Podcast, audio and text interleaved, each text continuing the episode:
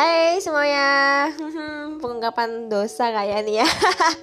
Nggak dosa sih sebenarnya Lebih kayak pengen sharing aja. Kisah cinta aku tuh cukup luar biasa. Pokoknya aku pertama kali ngerasain jatuh cinta Itu ketika aku SMP Tapi biasa lah anak SMP mah apa cintanya cinta monyet gitu kan.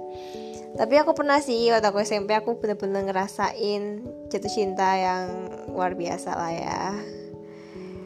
Gimana kamu harus bener-bener mikirnya bukan cuma sekedar I love you I love you doang. Tapi kayak di waktu SMP itu aku udah mikir besok bakal nikah bakal pokoknya udah mikir sejauh itu sih. Walaupun aku tahu kan aku masih SMP jadi kayak masih panjang lah proses pernikahan. Masih ada SMA masih ada kuliah kerja kayak gitu tapi udah kepikiran ke sana sih. Jadi kayak bener-bener. Ya pokoknya dulu kerjaan gue waktu SMP tuh jadi mak comblangin orang tapi habis aku mak comblangin malah aku suka sama orang yang aku comblangin lucu kan?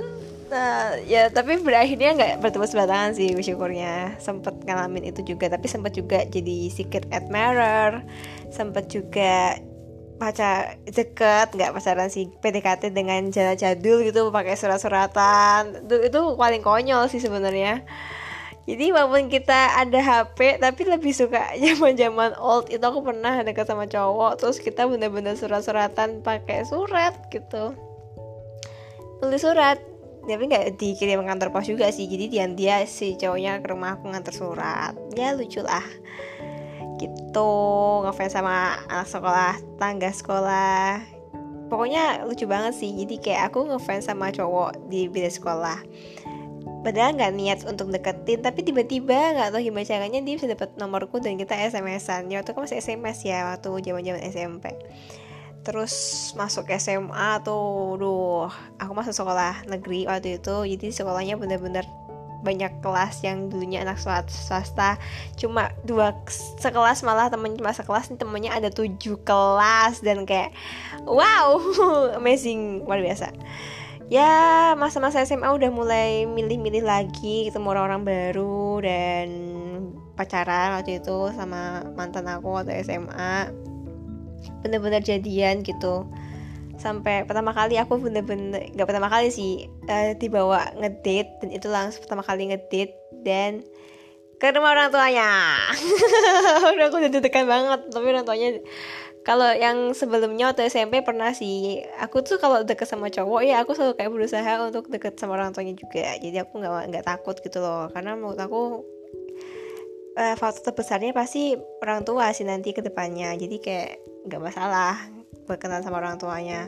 Jadi aku SMP tuh deket sama cowok aku udah mikir aku kenal orang tuanya. Terus SMA kaget juga pertama kali. Nggak ngerti sih waktu itu pertama kali masih PDKT terus pertama kali dijak jalan ke rumahnya ketemu orang tuanya makan bareng keluarganya. Gokil. Ya gitulah ya kehidupan. Terus nggak berlangsung lama pacaran cuma tiga bulanan. Terus akhirnya berubah berpisah karena hmm makalah ya biasalah. Karena orang-orang yang lain. Tapi ya apa apa sih. Terus udah habis itu udah mikir aku udah nggak mau pacaran lagi bener-bener mau fokus sekolah. Karena cukup menyita waktu juga dan hati dan perasaan dan pikiran sih lebih tempatnya terus akhirnya lulus sekolah kuliah tuh. Nah kuliah udahlah. Di masa-masa kuliah itu sih udah mulai nemu-nemu lagi kayaknya baru. Apalagi waktu kuliah tuh ada komunitas yang sempat nggak sempet sih komunitas rohani gitu. Jadi situlah mulailah kita ber bertemu. Wah, gitu lah ya. Beberapa teman ada dari kakak kelas teman satu satu apa satu kepengurusan terus yang nggak jauh-jauh juga. Kadang juga sampai yang beda agama ya ada tapi ya udahlah kayak gitu tapi semenjak aku merasakan jatuh cinta dari waktu waktu aku kuliah sih sampai aku kerja sekarang tuh yang dulunya punya idealis idealis yang kayak aduh aku pengen cowok yang ini ya masih ada sih cowok yang seperti ini seperti ini dari kriteria visi kriteria tingkat pendidikan dan sebagainya dan sebagainya. Tapi lebih banyak untuk nyari cowok yang memang bisa diajak diskusi gitu. Ngobrolnya enak karena aku sendiri pun ngerasa kalau misalnya kayak gitu kan bakal lebih nyaman ya. Tapi menurut aku sih semenjak aku yang terakhir ya sama yang terakhir aku kayak ya udah ketika kamu udah suka sama dia kamu harus terima segala kekurangan dan kelebihannya sih.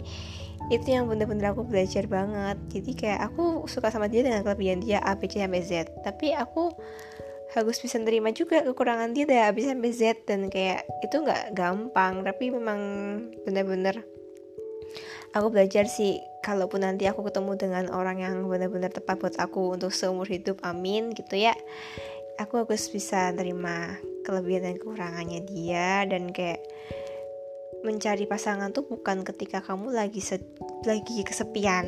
Mencari pasangan tuh ketika kamu sudah cukup bahagia dan dia juga sama-sama bahagia dan kalian bahagia bersama. Karena kalau jatuhnya aku cari pasangan karena aku kesepian karena aku butuh teman atau karena aku masih kurang nih terus dia udah penuh dia akan nambah kekurangan aku dan begitu sebaliknya. Ketika aku udah penuh dan dia masih kurang itu akan menambah kekurangan aku akan menambah kekurangan dia dan gak akan sama-sama penuh ya semangat buat teman-teman yang sedang menjomblo hari-hari ini. Dan kalaupun kalian belum menemukan orang yang kalian sayang dan belum menemukan orang yang tepat percaya sih semua orang tuh punya timingnya masing-masing. Dan ketika kamu masih masih sendiri ya nikmatin aja masa sendirianmu. Karena aku pun kemarin sempat sih pernah ada di posisi kayak aduh aku pengen banget nih punya pasangan pengen banget ada orang yang bisa aku repotin bisa aku aja ngobrol bisa bisa kasih waktunya buat aku. Tapi di saat aku minta aku bener-bener pengen aku malah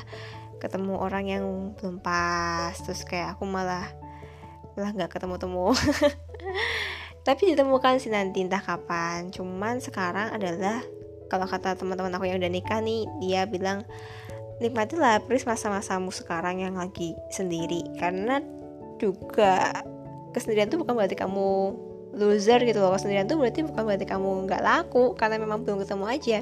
Dan kalau kamu sudah punya pasangan jaga baik-baik pasangan kamu dengan pilihan kamu yang sudah kamu pilih itu jangan karena kalau kebanyakan gonta ganti ya ya itu itu tetap pilihan sih. Cuman kalau menurut aku kamu bakal capek gitu. Kalau kamu selalu banyak mencari yang sempurna toh kamu udah kenal di kan ada posisi namanya PDKT yang kamu benar-benar kenal banget sama orang itu kayak gimana luar dalamnya kayak baik buruknya dia ya udah maksudnya kalau kamu udah memutuskan buat ya udah yuk kita jalan ke step selanjutnya ya udah bener-bener kenali dan kalau bisa bertahan bertahan kalau emang udah nggak bisa ya udah lepasin. Tapi pastiin buat nggak cari orang salah lagi.